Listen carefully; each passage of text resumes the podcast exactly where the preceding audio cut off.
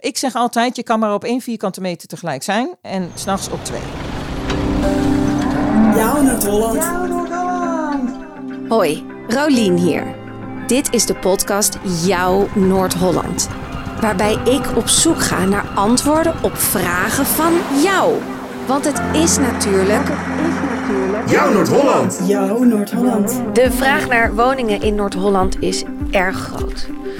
Tot 2040 moeten er in Noord-Holland minimaal 230.000 nieuwe woningen bijkomen. En die moeten natuurlijk allemaal gebouwd worden met duurzame materialen, energie-neutraal, van alle gemakken voorzien, dichtbij voorzieningen en natuurlijk ook betaalbaar. Maar hoe gaan we dat doen? Ik loop nu door een indrukwekkende villa-wijk in Bloemendaal. Ja, en ik vraag me dan af, hè, wat moet je met al die ruimte? Hoe hou je het schoon? Wat doe je in al die kamers? En hoeveel studenten zou je hier eigenlijk een kamer kunnen geven? En als er ook een mooi huis te koop staat ergens, ja, dan betaal je meteen de hoofdprijs.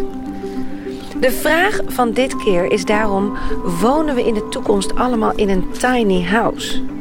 Iets minder vierkante meters, maar wel dicht bij de stad. Het bos en vrienden, want dat is wat we willen. Oh, Mieke, wat is het? Wat is dit mooi! Van al die vierkante meters in Bloemendaal ben ik doorgereden naar het natuurgebied Geestmeer Ambacht in Koedijk. Vlak boven Alkmaar. Mijn navigatie geeft aan dat ik linksaf moet slaan, maar ja, ik zie alleen maar bomen. Dan volgt er een bordje privéterrein. Liberterra. hey, daar moet ik zijn, dus ik zit goed.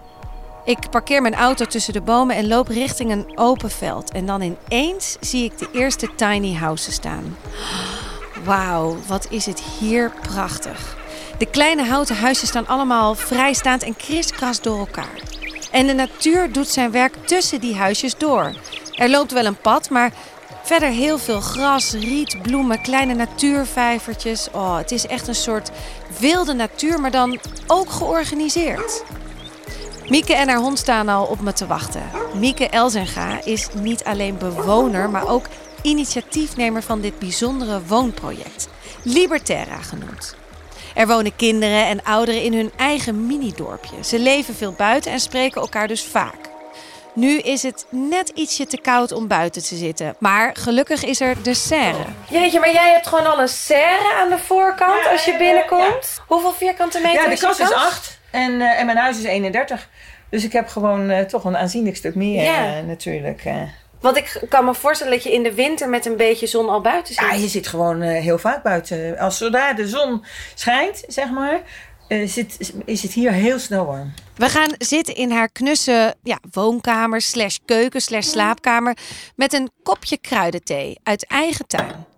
Ze vertelt me over haar omvangrijke project. Want je zet in Nederland niet zomaar even een paar huisjes in het bos. Nou, het is echt eh, fantastisch dat we de gelegenheid hebben gekregen eh, in eh, 2020 om hier neer te strijken. Een eh, fantastische samenwerking met de provincie, het recreatieschap, uh, Geestel Aandacht eh, en eh, wij als initiatiefnemers. En daarmee werk je dus binnen de bouw ook heel erg samen met de natuur. Biodiversiteit, leefbaarheid, circulaire economie door materiaalgebruik. Nou, zo zijn er een heleboel dingen die samenkomen. Ja, En daar gaat Liberterra over. Om samen met overheden, initiatieven en landeigenaren, eh, nou, dat boeren eh, land weer een eh, nieuwe bestemming of een aanvullende bestemming te geven. Ja, en ook een beetje het woonprobleem. Want we hebben, we moeten, ik geloof in 2040 moeten we 230.000 woningen alleen al in Noord-Holland erbij hebben. Dat is heel veel. Ja. Maar Dat is nog 18 jaar van nu. Dus zou dit een oplossing zijn om met z'n allen in een tiny house te gaan wonen? Het is een deeloplossing. Waar het over gaat is van dat er zijn mensen die willen heel graag in de binnenstad wonen. En wij zeggen, eh, hebben een hele leuke uitspraak daarop eh, gehoord eh, ooit van een, van een boer in, in Groningen. Die zei, eigenlijk moeten we hoofd, schouder, knie en teen doen in het landschap. Binnen bijvoorbeeld de stad, naast het station doe je hoogbouw. Dan heb je op een gegeven moment Phoenix-weken met, met eensgezinswoningen. En aan de rand, richting het landschap, doe je een soort tenen het landschap in. En daar zouden tiny houses een eh, hele belangrijke rol kunnen vervullen in de overgang van het stad eh, naar het platteland of het dorp naar het platteland. En ik denk 66% van Nederland is op dit moment uh, agrarisch. En als we 2% op zouden offeren om woningbouw toch toe te staan, zeg maar, dan lossen we dat woningbouwprobleem wat jij net zegt al op. We denken altijd van dat we dan het hele buitengebied moeten volbouwen, maar dat is niet zo. Nee. En er staan in het buitengebied ook onogelijke schuren, bijvoorbeeld, die niet echt een landschappelijke prettige uitstraling hebben. Nou, als je die zou vervangen door tien woningen, zeg maar, nou, dan uh, los je ook alweer een hoop op. Dus het is niet de oplossing, het is één van de oplossingen. Nou, ik vind, uh, ik ben uh, hoofd, schouders, knie en teen, zie ik helemaal meteen voor me. Toch even schetsen. Het voelt best praktisch, want we zitten in een fijne ruimte. Het is niet groot, maar het voelt ook niet klein. Hoeveel ruimte heeft ze nou? Ja, ik heb een uh, woonkamer met keuken, die is 16 vierkante meter. Een badkamer op de begane grond, die is uh, 3 vierkante meter. En ik heb het, uh, een, een huisje met een verdieping erop. Dus ik heb beneden een trap die naar de bovenverdieping gaat. En de bovenverdieping is 12 vierkante meter. En dat is mijn werkruimte en de logeerplek. En de bovenruimte neemt dus de helft van, het, van de benedenverdieping in beslag. Dus ik heb ook nog een dakterras, zeg maar. Maar goed, wij hebben hier een hectare met z'n tienen. Dus ik gebruik nu het dakterras niet. Maar stel van dat er ooit een plek komt waarin ik minder buitenruimte heb, dan heb ik ook nog een, een terras om lekker bovenop te zitten. Want dat is interessant. Dit huisje kan je meenemen naar een andere plek. Ja. Ze kunnen hem optillen. Ja, het is zo van dat uh, toen wij hier kwamen, hebben wij afspraken gemaakt met het recreatieschap dat we hier voor een periode van vijf jaar konden huren, omdat het recreatieschap op dat moment bezig was met een nieuwe visie en niet precies wist nog van wat ze met dit terrein wilden gaan doen. En dat gebeurt veel met tiny houses, dat het een tijdelijke oplossing is in afwachting van de permanente oplossing. En dan is het dus belangrijk dat je een huis bouwt wat je mee kan nemen. Want anders dan ja, heb je wel erg van doen met uh, kapitaalvernietiging. Dus wat, uh, waar wij voor hebben gekozen is om de huizen te bouwen op schroefpalen. Die draai je echt als een soort schroef in de grond en dat is je fundering. Want dat moet op de eerste zandlaag staan. Want we zitten hier op klei en uh, nou, uh, anders drijf je weg. En stel dat we over een aantal jaren uh, al dan niet vrijwillig gaan verhuizen, dan wordt het via een dieplader naar een andere plek gebracht. En mijn huis heeft dus een extra verdieping. En die twee verdiepingen zijn dus los. Die zitten nu natuurlijk vast aan elkaar. Maar als ze vervoerd moeten worden, mag je maar maximaal 3,85 meter hoog zijn.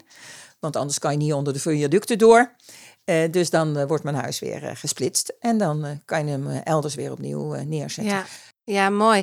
En, en wie, wie wonen er nou in tiny houses? Wie, is dat echt voor iedereen weggelegd? Nou, een heleboel mensen die hebben zo het idee dat dat niet kan. Zeg maar. Omdat ze zeggen van ja, maar ik heb ruimte om me, om me heen nodig. Ik zeg altijd, je kan maar op één vierkante meter tegelijk zijn en s'nachts op twee. Wat wel heel belangrijk is als je het over tiny house uh, wonen hebt, is dat je, uh, dat je gaat ontspullen. Want het servies van oma en, en nou, die, al die schilderijen die je wellicht in de loop der jaren hebt gemaakt, ja, dat is misschien niet zo makkelijk om dat kwijt te kunnen. Wat hier heel erg speelt, is dat mensen hiervoor kiezen omdat ze zeggen: ik wil dichter bij de natuur. Omdat tiny houses vaak in, een, nou, in de overgang naar het buitengebied staan. Mensen zeggen van ik wil meer tijd hebben voor mijn kinderen en mijn gezin. Dus ik wil geen woonlasten die, waarvoor ik uh, vijf dagen per week allebei moet werken om die lasten te kunnen betalen. Dus die zeggen ik wil kleiner wonen, daardoor worden mijn lasten lager en wordt mijn kwaliteit van leven groter.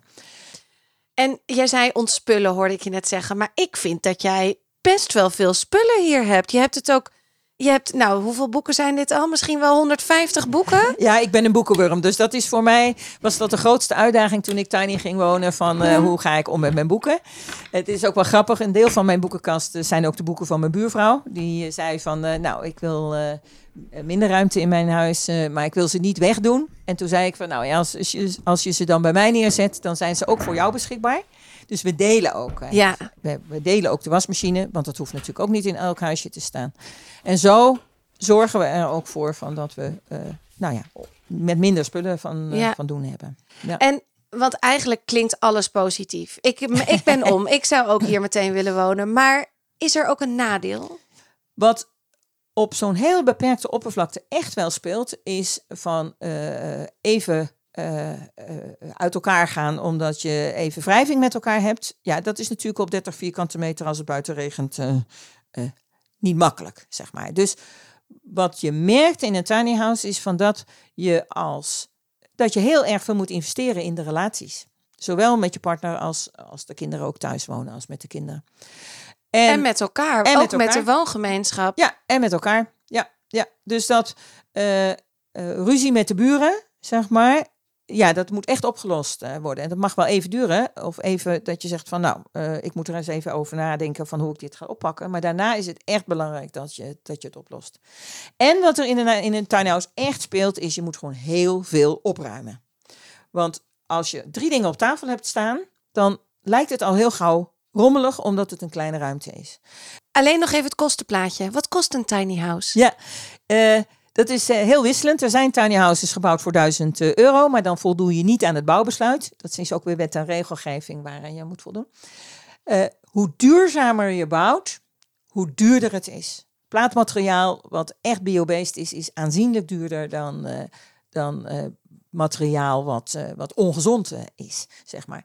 Dus ehm, als ik kijk naar, naar hoe wij hebben aangevlogen toen wij hier bewoners wierven, toen zeiden we van nou, je moet, hebt een instapbedrag. En dat is per locatie verschillend of je zelf de riolering moet aanleggen en dat soort dingen. Van 15.000 euro ongeveer. En daar doen we dus de architect en de legekosten en daar doen we de hele voorbereiding van. En het huis zelf uh, vanaf 50.000 euro voor 30 vierkante meter. Jouw Noord-Holland. Oké, het is dus niet de oplossing voor het woonprobleem, maar het heeft wel veel voordelen een tiny house. En zo tiny is het ook niet altijd. Je kan met je gezin ook een dubbele tiny woning maken. Bijvoorbeeld twee woonunits aan elkaar. Dan zit je toch snel aan de 60 vierkante meter. En als de kids dan uit huis gaan, nou, dan maak je er weer een single unit van. Er is dus veel mogelijk.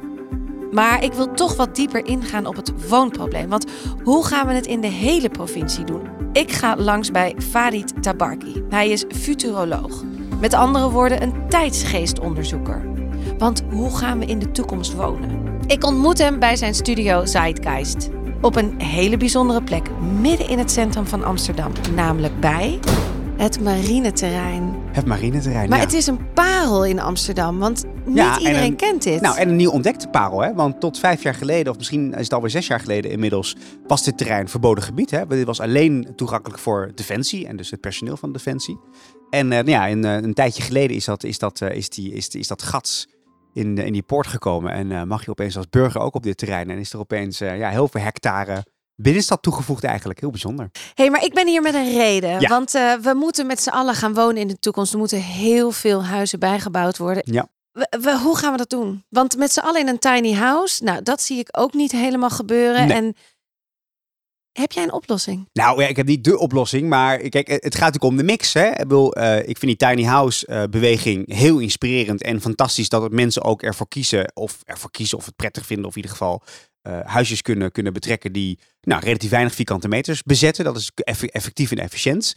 Tegelijkertijd, ja, tiny houses, uh, weet je al, al zijn ze klein van zichzelf, ja, dan heb je toch, dan ga je niet de hoogte in. Dus we zullen ook de hoogte in moeten gaan in bepaalde steden in, in, in Noord-Holland. Um, en daarnaast ja, zijn er ook allerlei verschillende woonwensen die mensen hebben. Die moet je ook goed accommoderen. Maar waar het op neerkomt, volgens mij, is dat als we kleiner gaan wonen, of het daar een appartementgebouw is of in een tiny house, wat je dan gecompenseerd wil raken, is ja, waar is nog mijn gemeenschappelijke ruimte? Weet je? Waar ontmoet ik elkaar? En waar kan ik dan, ja, als ik toch wat kleiner bij huis ben, waar kan ik dan nog in ieder geval wat vrijer bewegen? Of waar kan ik toch mensen ontmoeten als dat niet bij mij thuis lukt? Nou, dat vind ik een beetje de spanning als het gaat over deze beweging. Heel goed dat we woningbouw anders bekijken, maar de vragen die het oplevert, namelijk ja, hoe hoe, hoe, hoe compenseer je de ruimte die, die je niet meer hebt op andere plekken, in hetzelfde gebouw of in dezelfde uh, regio of omgeving waar je tiny house zit?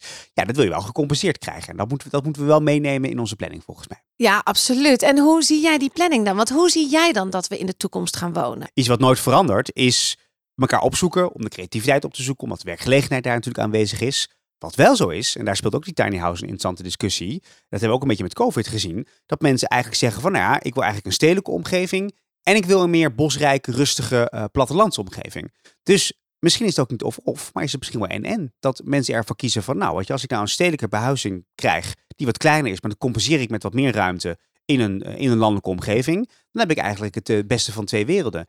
Dan is weer de vraag, wil je die voor jezelf hebben of deel je die met je vrienden? je ziet steeds meer mensen eigenlijk zeggen van nou, tiny house, die gebruiken twee, drie, drie dagen in de week. Maar ik kan met twee andere mensen delen, want die willen hem ook twee, drie dagen in de week gebruiken. En andere gebruikers voor een appartementje in de stad. We merken ook een beetje, gaan we terug naar de woongroep? Ja, zeker. Nee, je, je, je ziet al wooncorporaties ontstaan, hè, die ook gesteund door woningcorporaties weer kunnen functioneren. Um, uh, best ingewikkeld, hè, want de financieringsmogelijkheden zijn niet allemaal helemaal optimaal. Uh, niet elke gemeente is ondersteunend genoeg in die wooncorporaties. Maar daar waar gemeenten bijvoorbeeld nou, financiële kredieten uh, mogelijk maken voor wooncorporaties om zichzelf te organiseren. Daar zie je dat het best wel snel gaat. Dus voor mij is er een enorme behoefte dat mensen inderdaad ook ja, weer zelf zeggenschap krijgen over hun woonomgeving. Uh, waar natuurlijk nou, vroeger de woningcorporaties een rol speelden en nog steeds in spelen trouwens. Ja, een prachtige investeringen dan, dan, dan eh, in burgerinitiatief is er niet. Als het gaat over duurzaamheid, als het gaat over waarde toevoegen aan je omgeving, zelf betrokken zijn bij het mede vormgeven van je omgeving, ja, dan is natuurlijk eigenaarschap daar, daar een heel, hele belangrijke factor in. Dus hoe meer mensen zich eigenaar voelen van hun omgeving, hoe duurzamer ze ermee omgaan en hoe socialer die omgeving is. Nou, dan, dan snijdt het mensen helemaal aan tien kanten, zou ik zeggen.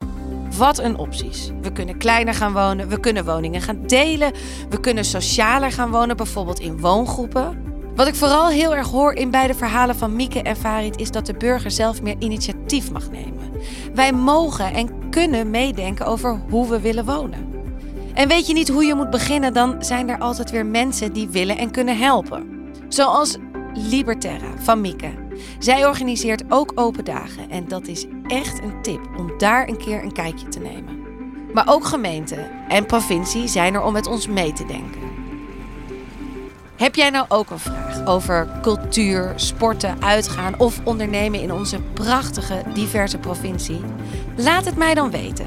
En wie weet ga ik wel op zoek naar het antwoord op jouw vraag. Vergeet je ook niet te abonneren en een review of sterren in de Apple Podcast of Spotify zijn meer dan welkom. Tot de volgende keer. Jouw Noord-Holland.